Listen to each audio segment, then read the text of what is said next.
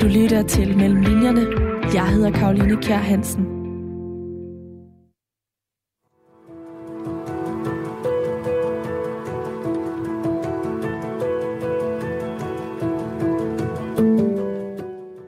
I en kirke i København i 1728 sidder der 24 unge mænd og kvinder. Der er ingen af dem, der aner, hvad de laver der, fordi de er fra samfundets rand, men alligevel blevet kaldt der til af kongen, som på det her tidspunkt var Frederik den 4., fordi de efter sine er særligt udvalgte. Men de finder ret hurtigt ud af, hvad det er, der skal ske, fordi en efter en, så bliver de i en rækkefølge, der virker mere eller mindre tilfældig, kaldt op til aldret, hvor der står en af det modsatte køn, som de bliver tvunget til at indgå ægteskab med. De her 12 unge par, de bliver derefter gelejtet ind i det første skib til Grønland, og så bliver de sendt derop, hvor de skal øh, stifte den danske koloni og hjælpe hans æde, som er den her missionær, der allerede havde missioneret deroppe i fire år på det her tidspunkt, med at gøre samtlige grønlændere til danske kristne. Cirka sådan her lyder en af de første scener i romanen Rød mand, sort mand, som vi skal tale om i dag. Det er en roman, der rummer historien om hans ede og den danske kolonialisering af Grønland. Og den har du skrevet, Kim Leine. Ja, det er jeg. Velkommen til Mellem Linjerne her på øh, Radio 4. Jeg har glædet mig rigtig meget til at tale om øh, den her øh, roman, fordi den er jo super aktuel.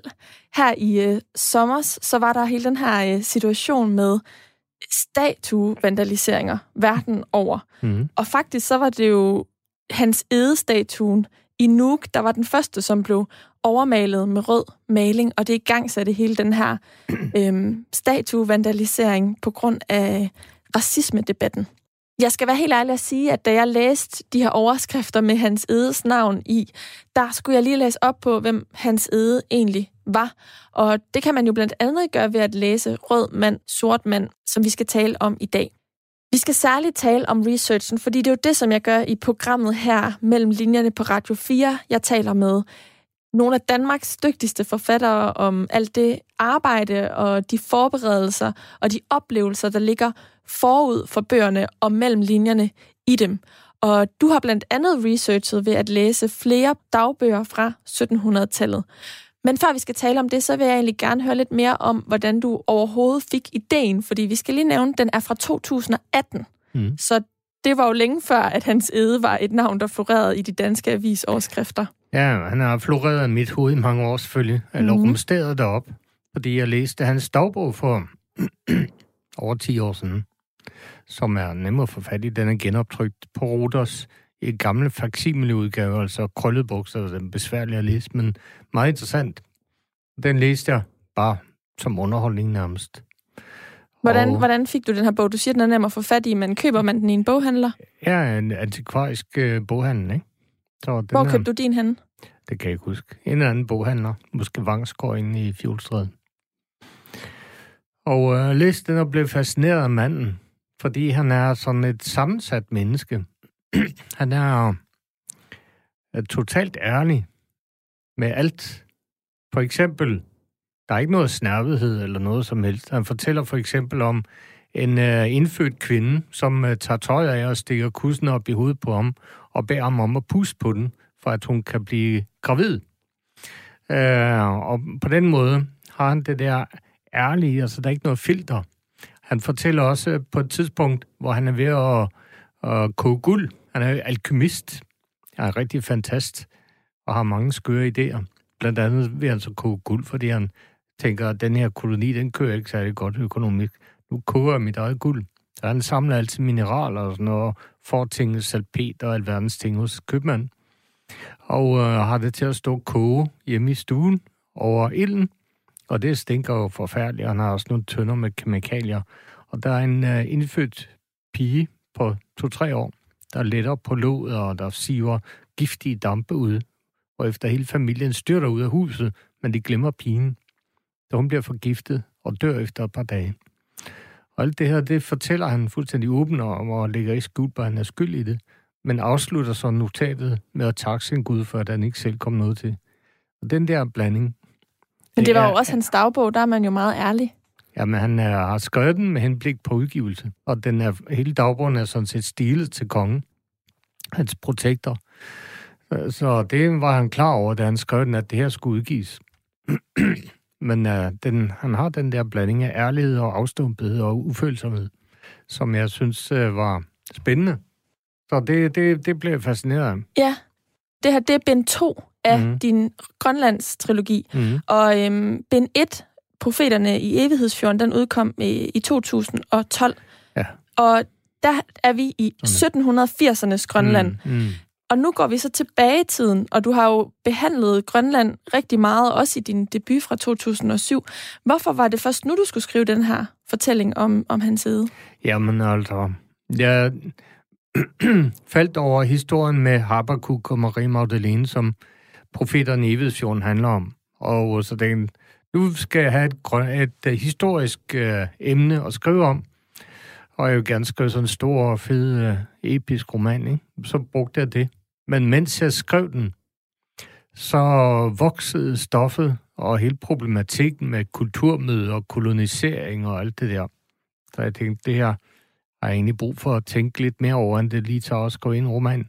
Så tænkte jeg, jeg, jeg tror, jeg skal skrive en trilogi. Jeg sad faktisk og blev interviewet af en journalist, og så fortalte jeg om, at jeg var i gang med at skrive profeterne. Så hører jeg mig selv sige, ja, det er første del af en trilogi. Og jeg tænkte, hvad fanden en mand siger? uh, det er sådan noget, der sker, når man taler med journalister. Det sker der er mystisk i hovedet på en. Det er måske bare mig. Jeg kommer til at fortælle mig. Og så opdager jeg bagefter, hmm, måske er det rigtigt nok, det jeg sagde. Måske skal jeg skrive en trilogi, og det var der faktisk, sådan som jeg husker det nu, at uh, tanken meldte sig. Men der var jeg ligesom hoppet ned sådan meget senere i kolonitiden. Så jeg tænkte jeg, at hvis jeg skal skrive en trilogi, bliver jeg nødt til at gå tilbage til hans eghed. Fordi det er mærkeligt at skrive om koloniseringen af Grønland som hovedtema, hvis man ikke har ham med. Så nu skriver jeg en prequel, og så skriver jeg en sequel bagefter, som er snart er færdig med nu, som foregår i 1880'erne. Så profeterne bliver ligesom navet i hjulet, hvor den nummer to og tre bliver de to omdrejningspunkter i trilogien. Okay. Ikke? Sådan, det er sådan, jeg tænker det. Jeg synes, at hans side er uomgængelig, og når man skal skrive en trilogi om Grønlands kolonisering og missionering og kristning og alt det der. Så derfor synes jeg, var nødt til at gå tilbage til ham. Vi har allerede talt lidt om, om hans ede nu her. Jeg tror også, at der er nogle lyttere, ligesom jeg, der har tjekket op på hans ede efter øh, hele statue-vandaliseringen. Men kan du ikke sætte et par ord på, hvem er hans ede som karakter?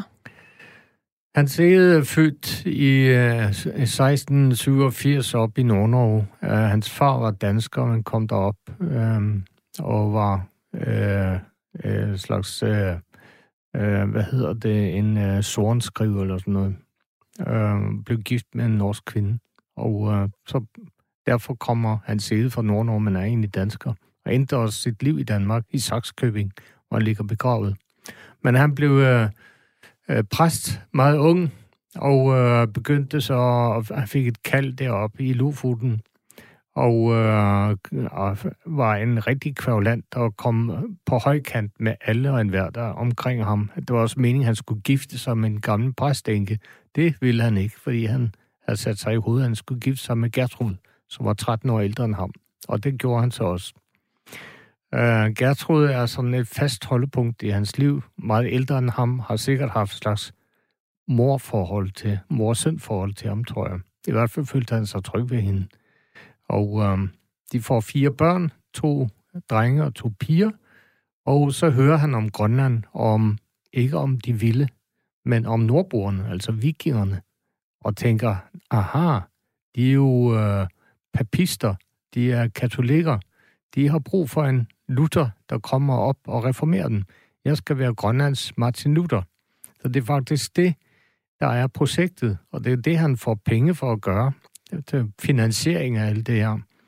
Og så rejser han så derop i 1721 med hele familien, ud i det blå, aner intet om, hvad han tager hen til, og slår sig ned øh, og begynder at lede efter nordbrugerne. Finder dem ikke, fordi de øh, har været væk i flere hundrede år på det tidspunkt. De uddøde i 1400-tallet. Efter en stor blomstringsperiode i middelalderen, med uh, bispesæde og kloster og hele maskineriet, men de forsvandt altså, og så er der kun grønlænder tilbage. Og øh, så bliver han så nødt til at kaste sig over de indfødte, de, de stakkels elendige vilde, som man hele tiden kalder dem, og missionere for dem på en, en ret vrangvillig og modvillig måde. Men det er mm. altså derfor, han bliver Grønlands modvillige apostel. Og han er sort mand i bogen. Ja. Titlen er Rød mand, sort mand. Ja. Hans ede er sort mand. Hvem er rød mand? Rød mand er Abaludok, som var en åndemander, der levede der i området lidt senere. Men ham har altså trukket ned til Egedes tid og lavet ham være antagonisten, altså Egedes modspiller eller modstander. Han har en søn, øh, som er syg, og som Ede tager til sig. Og da Abaludok, som betyder den røde, kommer for at hente sin søn, så vil Ede ikke med ham, øh, af med ham igen, fordi han øh, har lært ham dansk, og har undervist ham i katekisme og bibel, og nu vil han bruge ham i missionen som medhjælper. Og det ender han med, også med at blive en dygtig tolk og medhjælper i missionen, men dør på et ret tidligt tidspunkt. Samme tidspunkt, hvor han dør i, i bogen. Men der opstår så øh, et stridens æble mellem øh, øh, hans side og Apollo, som kæmper om, øh, om den her drengs sjæl.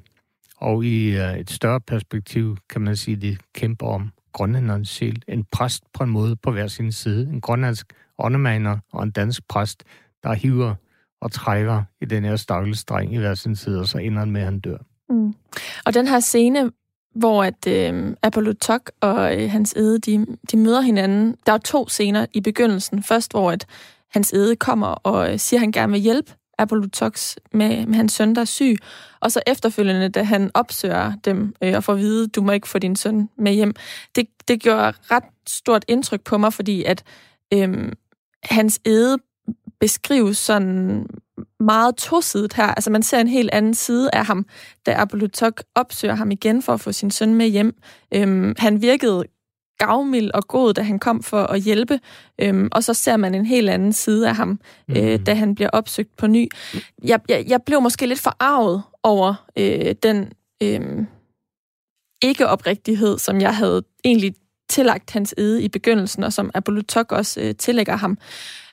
Den er der jo også andre, som har ytret en øh, modvillighed overfor i kraft af hele statuevandaliseringen.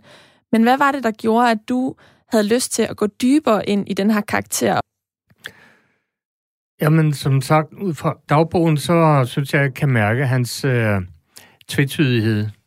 Og øh, han, han øh, fremstår gennem sin egen beskrivelse af sig selv som hård og stejl og brutal. Han øh, lægger ikke skjul på, når hun, han banker nogen i jorden, som er uenig med ham. Det gør han hele tiden. Og han er en stor hertebred mand, og slår en proper næve. Og øh, det blev nævnt igen og igen af historikere, at han var brutal, og han lavede ikke fingrene imellem. Til gengæld øh, praktiserede han jo ikke systematisk afstraffelse øh, eller tvangskristning eller noget som helst, eller undertrykkelse af grønlænder. Han var bare modstander af åndemanerne. Og han var en affjende af åndemanerne. Derfor også er Abalutdok, som er åndemaner, finder han jo så ud af. Og det er også derfor, han ikke vil have med drengen igen. Fordi han vil ikke overgive ham til, til dem selvfølgelig. Forståeligt nok, sådan set. Men øh, det er der, han øh, er i udgangspunktet. Og så, og faktisk gennem det meste af dagbogen, er det der, han forbliver. Men så kommer han ud i en krise hen imod slutningen, hvor Gertrud Rask, som man har det her meget øh, specielt forhold til, som er nærmest som en mor for ham, og som har født fire børn, som har det godt, og som lever et meget langt liv. Øhm, hun dør øh, i julen 1735, og så kommer der øh, og sniger sig en tvivl ind, og en smerte for første gang ind i dagbogen.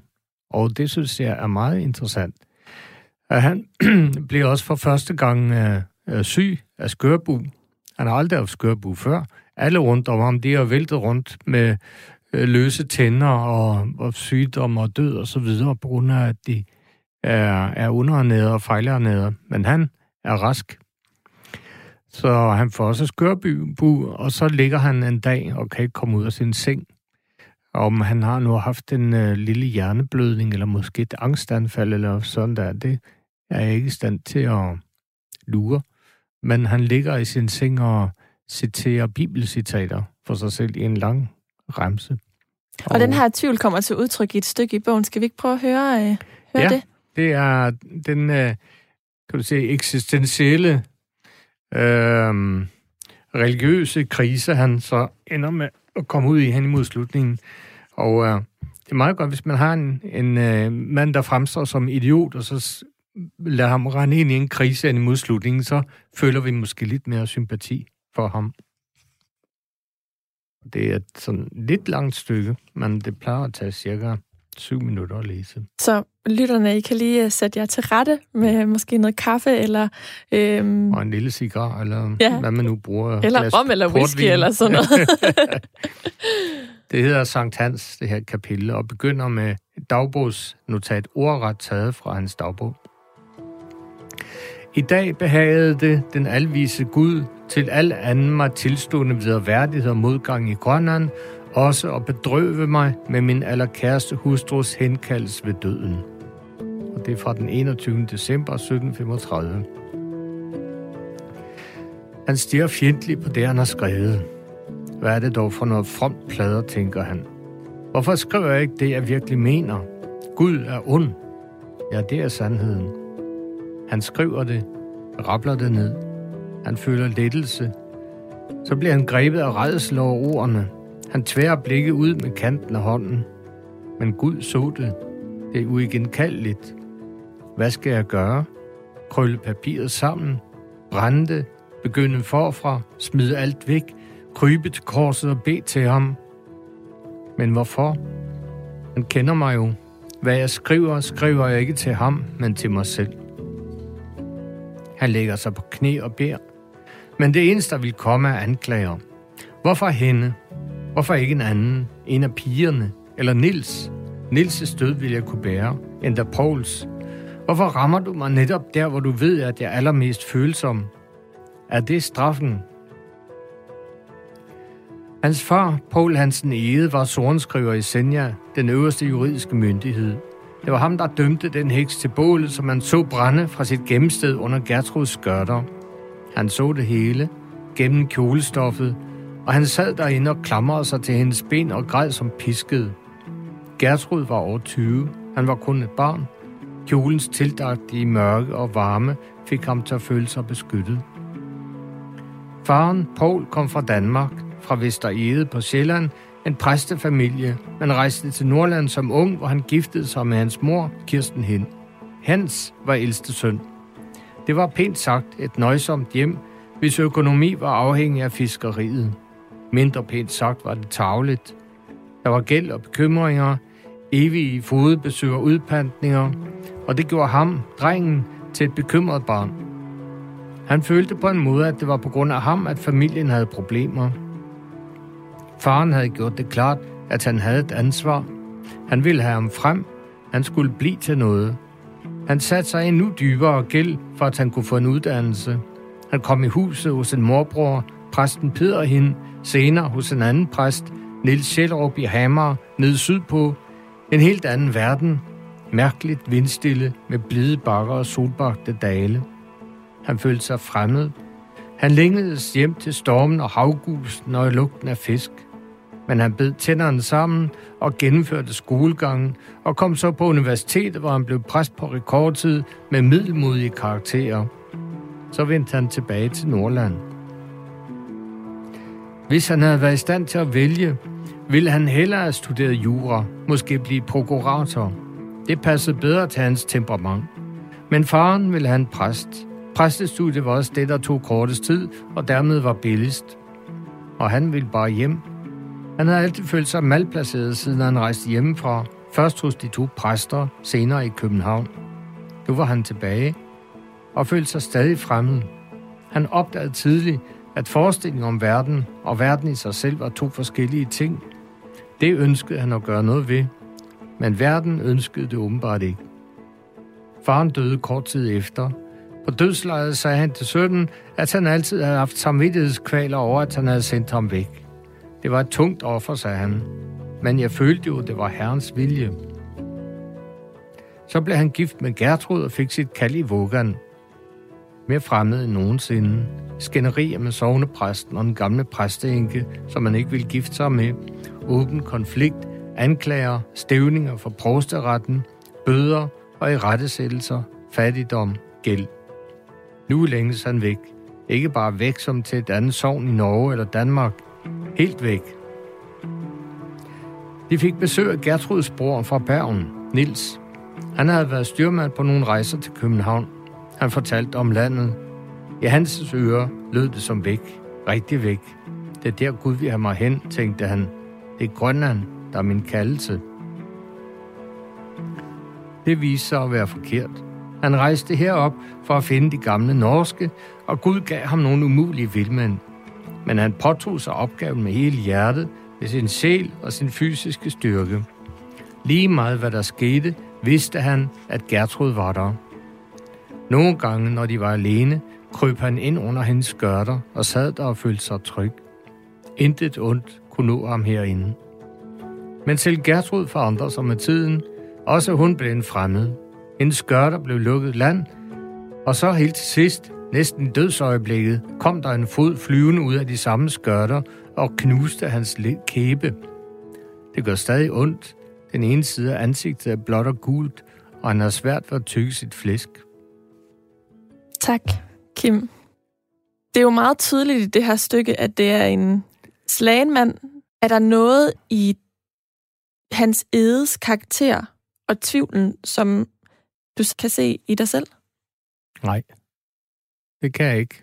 Jeg, jeg har utrolig svært ved at løbe mig ind i ham, så ham ser jeg faktisk ud fra.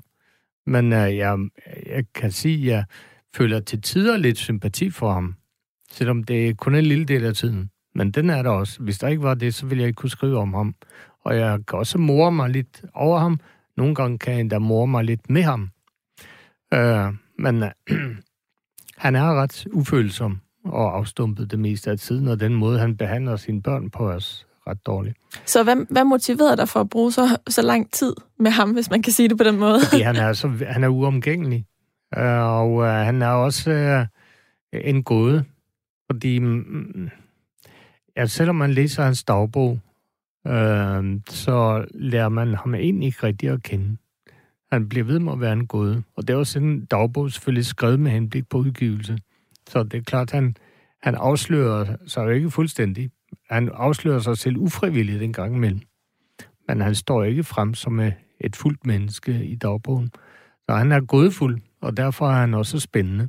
Og derfor giver han også øh, ret stort spillerum for mig som forfatter til at finde på noget. Mm. Det spillerum synes jeg, at vi skal prøve at dykke lidt mere ned i nu her.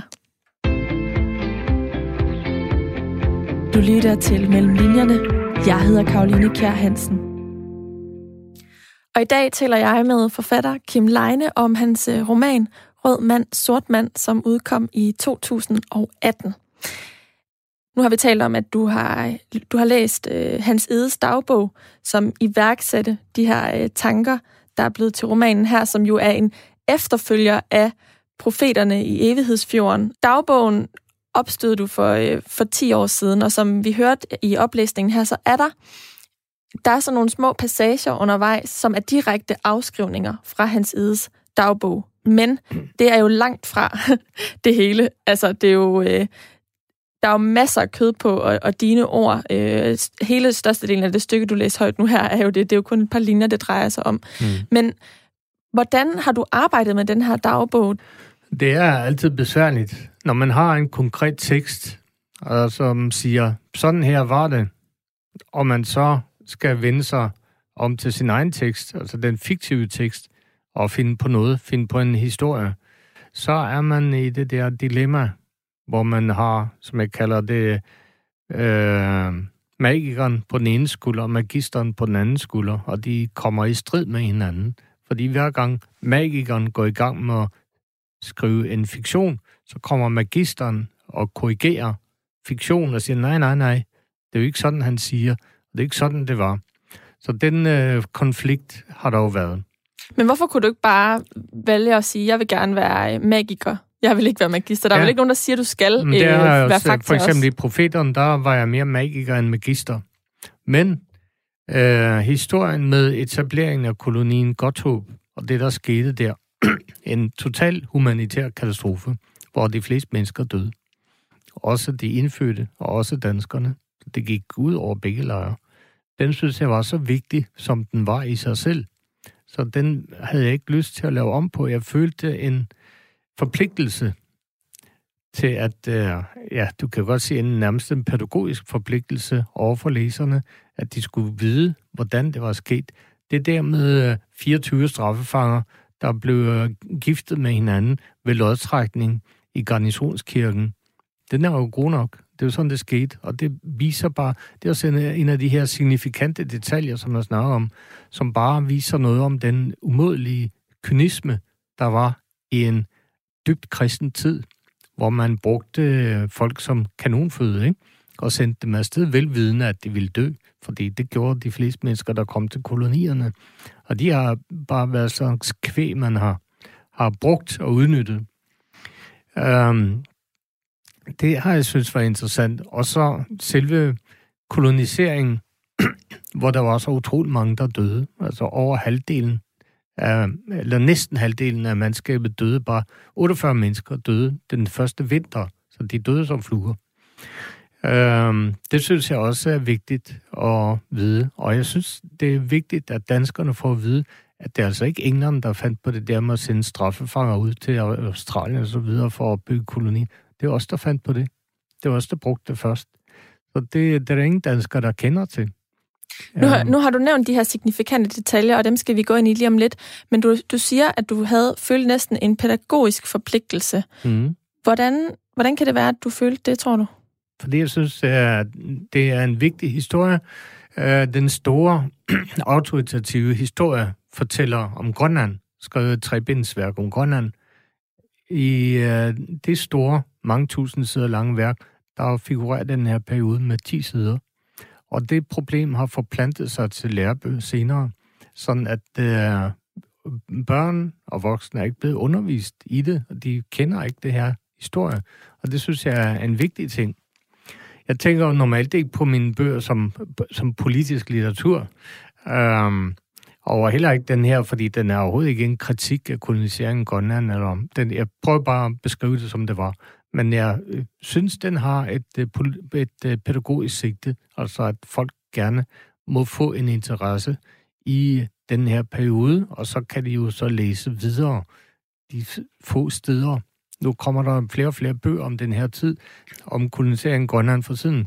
Så kan man jo gå videre fra min bog og bruge min roman, min fiktion, som en appetitvækker. Fordi det er klart, der er en masse her, som jeg bare har fundet på men den er meget historisk korrekt i forhold til profeterne i, i Evidsfjorden, hvor jeg tog mig en masse friheder. Der er den her, følger den her faktisk stort set til punkt og prikke, hvad der virkelig skete. De mennesker, der døde, de dør i bogen med navns nævnelse på det tidspunkt, de døde, og så videre. Og jeg bruger virkelig meget af Edes dagbog, fordi, som sagt, han er så ærlig. Øh, der står det hele, og øh, det er grotesk meget det, der han beskriver nogle gange er han ikke selv klar over, hvor grotesk det er. Så um, den har jeg brugt meget, og så har jeg brugt uh, lægen Christian Kedings øh, dagbog og forskellige breve mellem uh, kolonien og koloniadministrationen i Danmark. Jeg synes, det her med dagbøgerne, det er ret interessant. Og dem bruger du jo, fordi du skal have de her signifikante detaljer. Ja. Vil du prøve at forklare, hvad det, hvad det dækker over? Den signifikante detalje, det er bare noget, der bliver set af en person, der er der selv. Og det er, synes jeg er uvurderligt, fordi den har nogle kvaliteter af, af her og nu virkelighedsfølelse, som uh, ingen historisk gennemgang kan erstatte. Så jeg har kun læst en lille smule historisk gennemgang, bare for at få et overblik og få nogle årstal og hæfte ting på pas på. Ikke? Men ellers, det øh, jeg primært bruger, det er dagbøger og breve. Fordi de kommer med øjenvidne beretningen fra en person, der har været der selv og rørt ved tingene og set dem med deres egne øjne. Og det er, er noget, der er meget værdifuldt for en uh, forfatter, at få det subjektive blik, som ofte er øh, uh, usandfærdig. Det kan det sagtens være, fordi vedkommende, der ser jo selv involveret i hændelserne, og føler måske skyld over det, og gerne vil vaske sine hænder, ikke? Men det gør ikke noget, fordi der er øh, den der kvalitet af virkelighed ved det, som går tabt hos øh, historiefortællerne. Er det en sansebeskrivelse? Det kan være sanser. Det kan også bare være en faktuel beskrivelse af, hvordan øh, tingene er, hvor mange der dør, hvad de dør og så videre, hvordan det ser ud. Øhm, så det er en blanding af intellektuel øh, skildring og også en sanse, sanselig oplevelse. Men gør de det sjovere at være i det her spillerum, som du taler om? Ja, den, øh, den, øh, det subjektive observation, det gør det nemmere. Det er noget, der hjælper mig meget. Man kan mm. sige, at de faktuelle oplevelser gør det lidt besværligt, fordi det bliver sådan en kontrolleret proces. Uh, magisteren helt, eller magikeren hele tiden skal fodres med fakta af ham der, den irriterende magister, ikke? Og de kommer tit op og skændes, de to. Og de har det bedst med ikke at være i rummet samtidig. Uh, så derfor er det ofte sådan, at jeg lader magisteren fortælle sin historie først, og så kan han få lov til at gå en tur, så kommer magisteren ind og uh, retter det hele, og årstal og faktor alt sådan noget, ikke? Så det, det er bedst, hvis de fungerer på to forskellige tidspunkter. Hvilken person kan du bedst lide?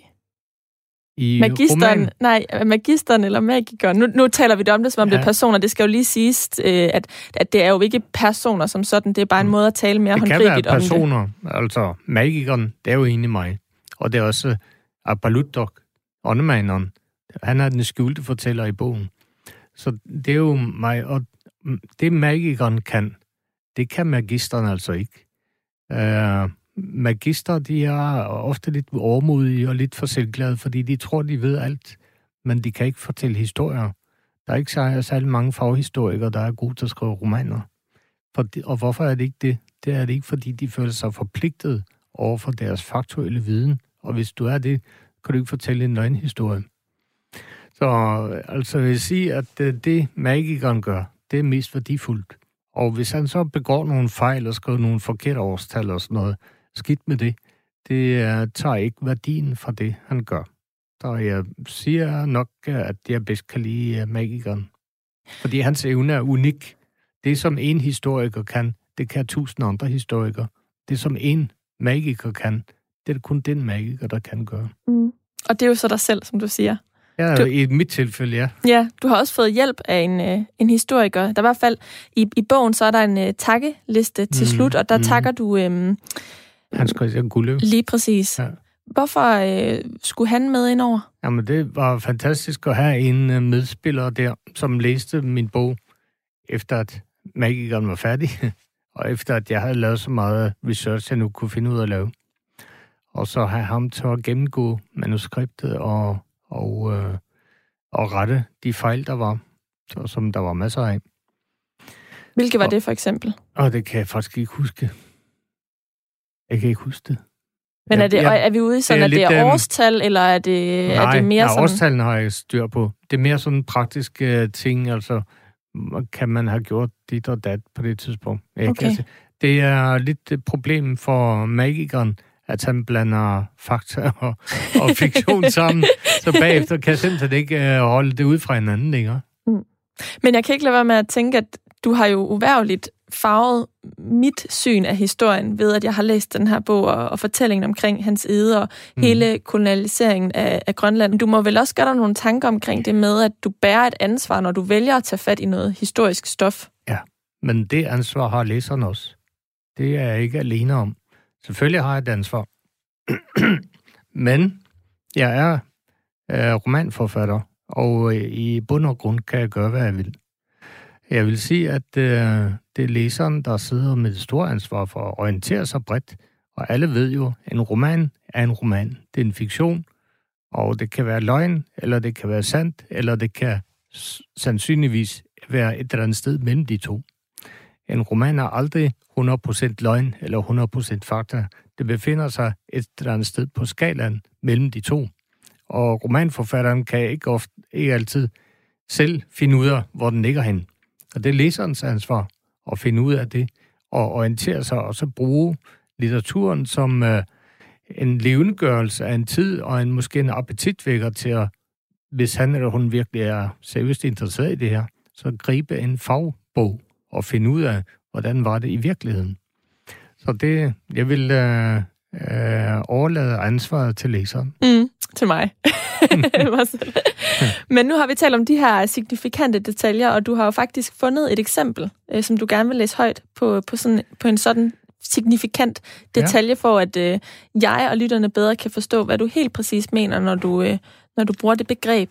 Ja, jeg kunne have læst det der med øh, de der straffanger, der bliver øh, tvangsskiftet, men øh, nu øh, læser jeg noget fra den en omarbejdet øh, udgave af Chris, lægen, øh, kolonikirurgen Christian Kedings dagbog.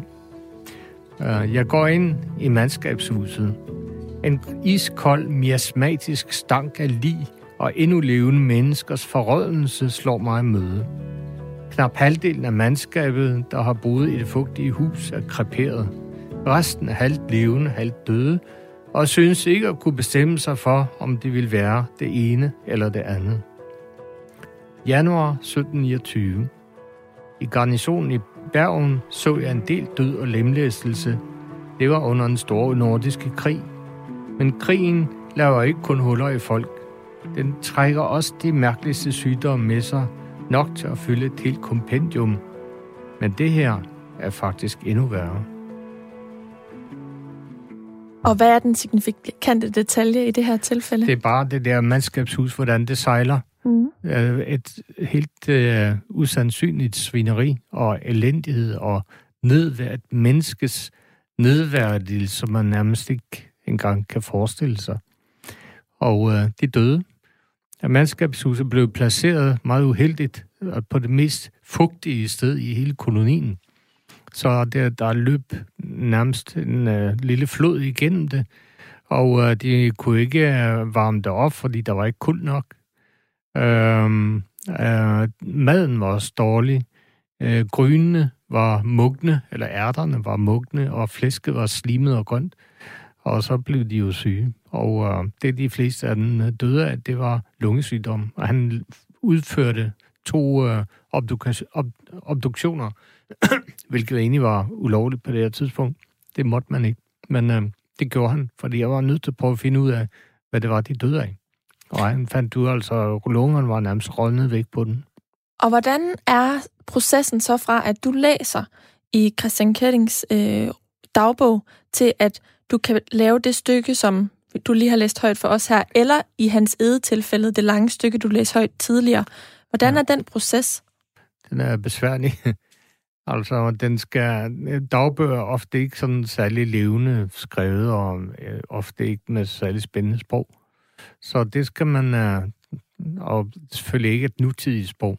Man er nødt til at genskabe det og konstruere det fra grunden af øh, til et øh, menneske, der står lyslevende foran en og prøve på det. Så det, det kan være ret svært. Og samtidig når der er et, et virkeligt menneske, der har skrevet det her engang, så føler jeg også en forpligtelse og for at få det så sandfærdigt transkriberet som overhovedet muligt. Men det, det, det er en udfordring at gøre det.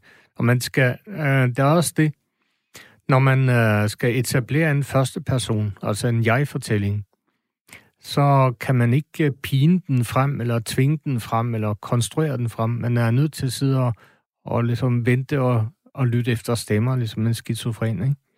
Og øh, indtil der melder sig en stemme. Og øh, det gør der ofte. Der kommer der en stemme, og så skriver man på den stemme. Og Christian Keding var en af de stemmer, der meldte sig. Nils Ede var den første. Jeg skrev hele bogen i tredje person først, altså i, i han og hun form. Men så kom Nils Ede og ville øh, fortælle sin egen historie. Og den, han kom sådan uinviteret. Det, det skal jeg lige prøve at forstå. Altså, han kom i dit hoved, vil jeg mærke. Ja, stemmen meldte sig simpelthen. Okay.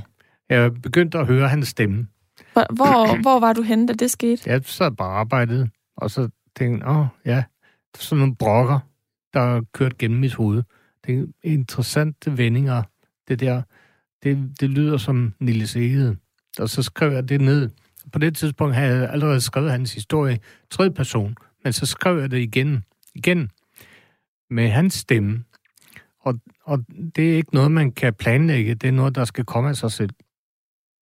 Men det, der er gode ved det, er, at sådan en stemme, selve stemmekvaliteten, indeholder en hel livshistorie og en hel verden og en hel virkelighed og psykologi og følelsesregister og det hele.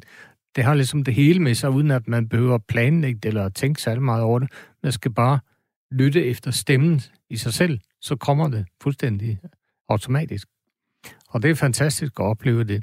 Og det var Nils, der kom og fortalte. Og så kom uh, Jomfru Titia, som taler på sin egen rablende måde. Hun er jo sindssyg. Og uh, så kommer Christian Keding og flere andre. Så han, han var en af mange stemmer. Det her det er jo en bog, som også er blevet beskrevet som en polyfoni. Altså, at det er flere forskellige stemmer, det er flere stemmigt. Mm. Og det er også øh, skrevet på en måde, så der ikke nødvendigvis er et, et klar anmærkning, når vi går fra en stemme til en anden stemme. Det er i hvert fald sådan, mm. man lige skal ind i, i flowet i begyndelsen, når man læser den. Ja. Men, men Kim, for, for lytterne og for mig, som ikke har prøvet, at stemmer melder sig i hovedet på den der måde, hvordan... Vær, vær kun glad for det. Okay. hvordan, hvordan kan du prøve at sætte nogle flere ord på, hvordan det føles? Der er en energi i det. Jeg mærker sådan en energiboost i mig og det går utrolig hurtigt. Man skal bare følge med. Det går stærkt. Uh, og man bør ikke sidde og finde på noget, og så nørkle med at være en uh, enkelt sætning. Man skal bare klapre ud af på sin computer, ikke? Og på en måde føles det fantastisk. Det har også en begrænsning, fordi man er kun inde i den synsvinkel. Man kan ikke se det udefra eller reflektere over, hvad der sker, øh, udover hvad personen selv reflekterer over. Så øh, jo, det er sådan set en fantastisk oplevelse, og det er noget, man, øh, man øh, kommer ud for før eller siden, hvis man skriver meget, som jeg jo nu har skrevet i 12 år, godt og vel. Så, så, så kommer de der stemmer på et eller andet tidspunkt. Man skal bare være beredt og have spidset sin pen, og så, så skal det nok komme. Hvordan kommer man ud af den igen? Jamen, det er når vedkommende har fortalt sin historie færdig, så bliver stemmen tavs. En ting, som du også gjorde, da du research, det var, at du øh, rejste til Grønland. Og måske var det nemmere at prøve at gå ind i stemmerne, øh, da du var i de omgivelser, eller hvordan? Nej. Altså, for at rejse, jeg rejste til Grønland sidste omgang øh, til Nuuk og talte med øh, museumschefen William Engel derop, og vi gik rundt i kolonihavnen og prøvede ligesom at få placeret de der gamle huse, som er revnet for mange år siden.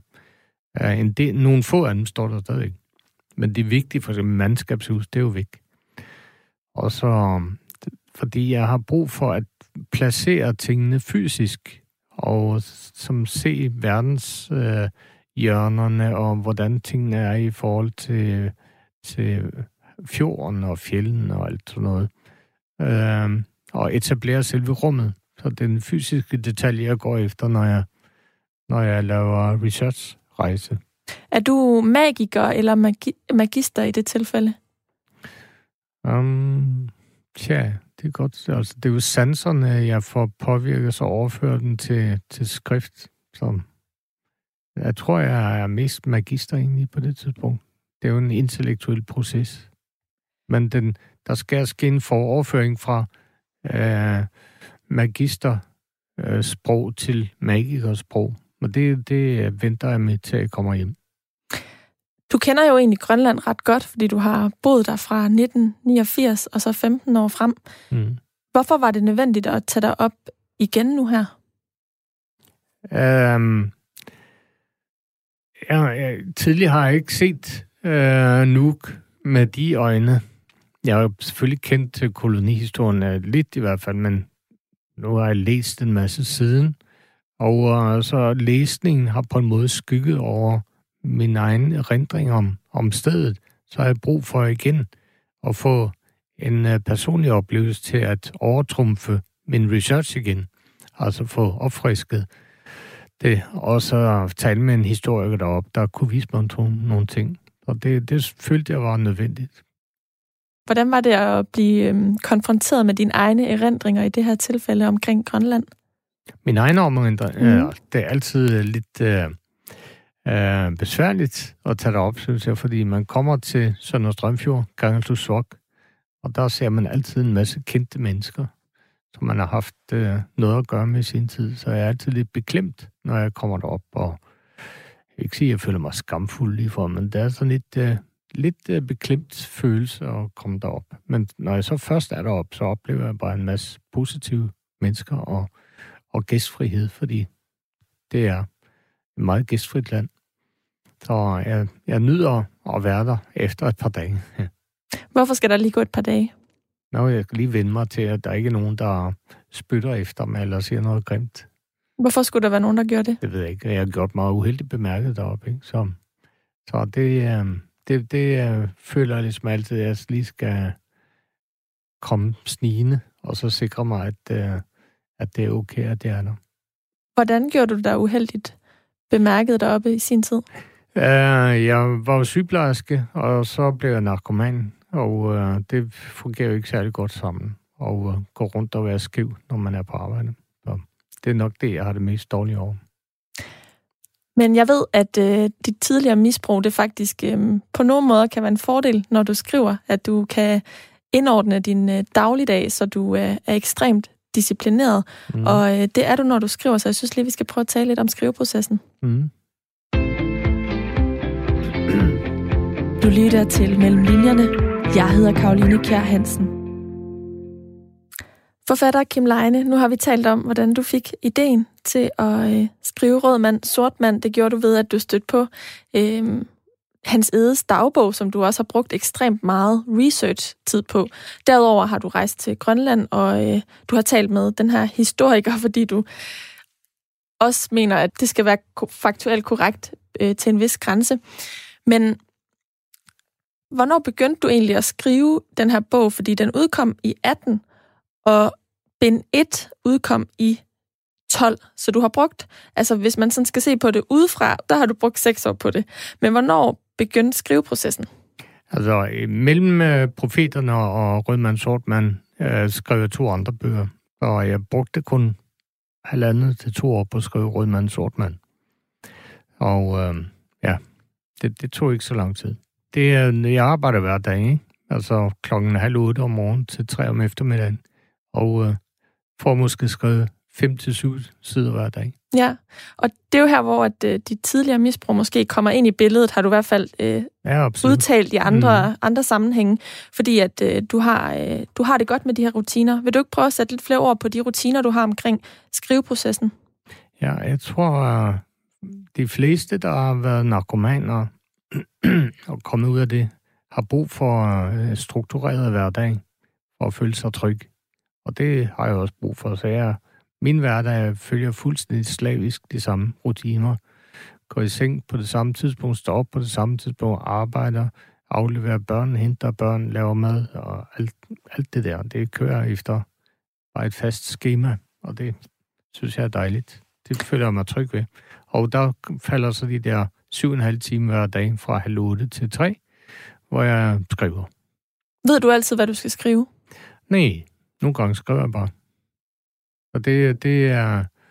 Ja, det er, mm, altså der, inden for den der faste ramme hersker kaos, kan man sige, men den er afgrænset af de faste tider.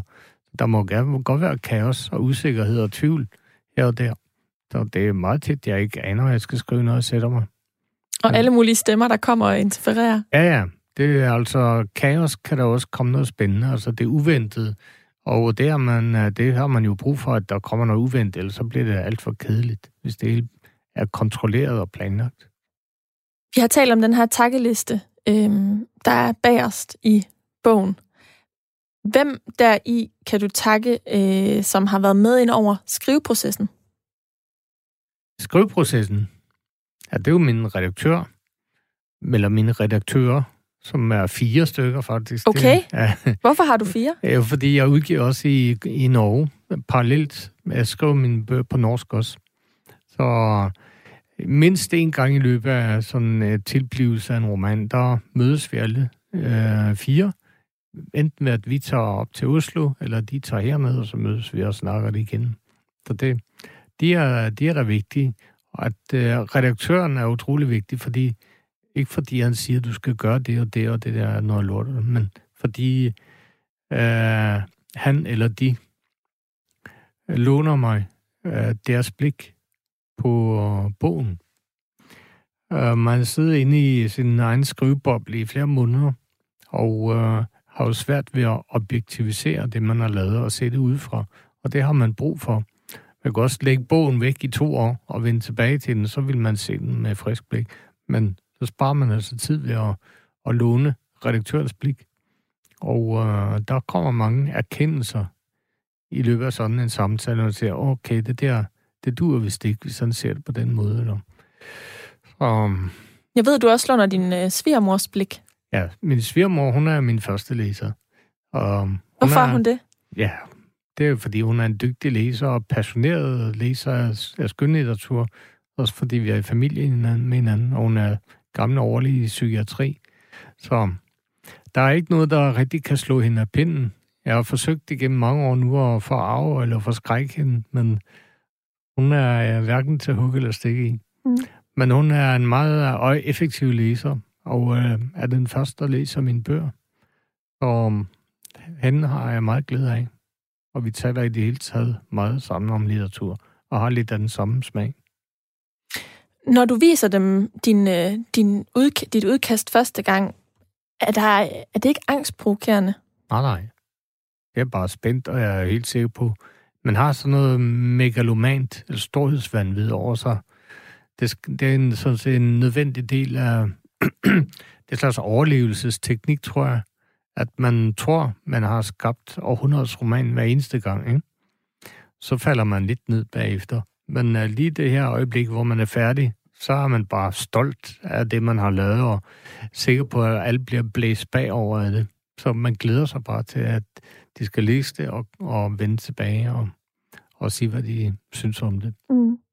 Jeg kan ikke lade være med at tænke på, at øhm, det kan man måske gøre, når man klare det rigtig godt, som du har gjort. Du har jo vundet rigtig mange priser. Du vandt for eksempel Nordisk Råds litteraturpris i 2013 for bind 1 i den her serie.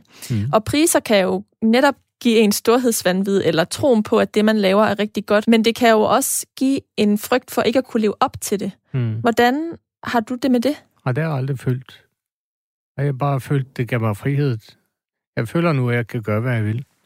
Og det betyder ikke, at jeg ikke har masser af tvivl og det, det har jeg. Og fordi jeg hele tiden prøver at lave noget nyt, og en, en god forfatter er altid på flugt fra sin egen stemme. Fordi man skal ikke, øh, man er jo bange for at gentage sig selv, ikke? Og der er masser af tvivl i det. Men uh, jeg føler, at uh, priserne, de har givet mig frihed, og de har ikke, uh, de, de låser mig ikke fast eller sådan noget. Og en ting, det er jo netop litteraturkritikers øh, bedømmelser, men der er jo også læsernes bedømmelser. Du har også fået nogle, nogle øh, læserpriser, men hvordan blev øh, Rødmand Sortmand egentlig taget imod fra grønlandsk side? Har der været nogle grønlandske læsere, der har henvendt sig til dig? Ikke direkte, fordi jeg hoppede af Facebook. Så øh, ellers har jeg haft øh, rigtig mange breve fra grønlændere på Facebook. Men jeg tror også, der er, er at de er populære. I hvert fald, ved i hvert fald, at de sælger godt deroppe. Og jeg ved, at der er sygeplejersker, der er rejst til Grønland, de har fået udleveret min første roman som en nærmest introduktion til landet. og det er fordi, du arbejdede derop som sygeplejerske, ja, ja, før du, ja, ja. Øh, du debuterede og, og skriver om det i, ja. i Karlak. Ja. Nå, hvor sjovt. Men hvad skriver du på nu her? Jeg skriver på tredje del af min trilogi, øh, som øh, havde øh, arbejdstiden Kronbodsekspeditionen, hun følger en ekspedition, som fandt sted op langs Grønlands østkyst til det, vi kender som Amazalik, og endte med at kolonisere det område i Østgrønland. Jamen Kim, det må du jo ind og tale om i programmet igen ja, senere. Ja, ja, det, det håber jeg, du har gerne. lyst til. Ja. Forfatter Kim Leine, tusind tak, fordi du ville tale med mig i dag. Tusind tak skal du have. Du har lyttet til Mellem Linjerne. Programmet, hvor jeg taler med nogle af Danmarks dygtigste forfattere om de forberedelser og oplevelser, der ligger før deres bøger kunne skrives. Alt det researcharbejde, de har været ude i, og som ligger mellem linjerne i deres bøger. Du kan finde hele programmet her som podcast på radio4.dk, i vores app eller i din foretrukne podcast-app. Hvis du lytter til programmet i iTunes, så tøv ikke med at give det en anmeldelse, fordi så ved jeg, om I synes, at programmet du udvikler sig i den rigtige retning eller ej. Du er også altid velkommen til at skrive til mig på mailen. Den lyder mellem linjerne, snablag radio4.dk. Linjerne, det er med et J. Her må du også gerne komme med både ris og ros, men også ønsker til forfattere, hvis research du gerne vil høre mere om. Mailen den er som sagt mellem linjerne, snablag radio4.dk. Linjerne, det er med et J. Mit navn, det er Karoline Kjær Hansen. Kjær, det er jo et også med et J, og jeg håber, vi lyttes ved.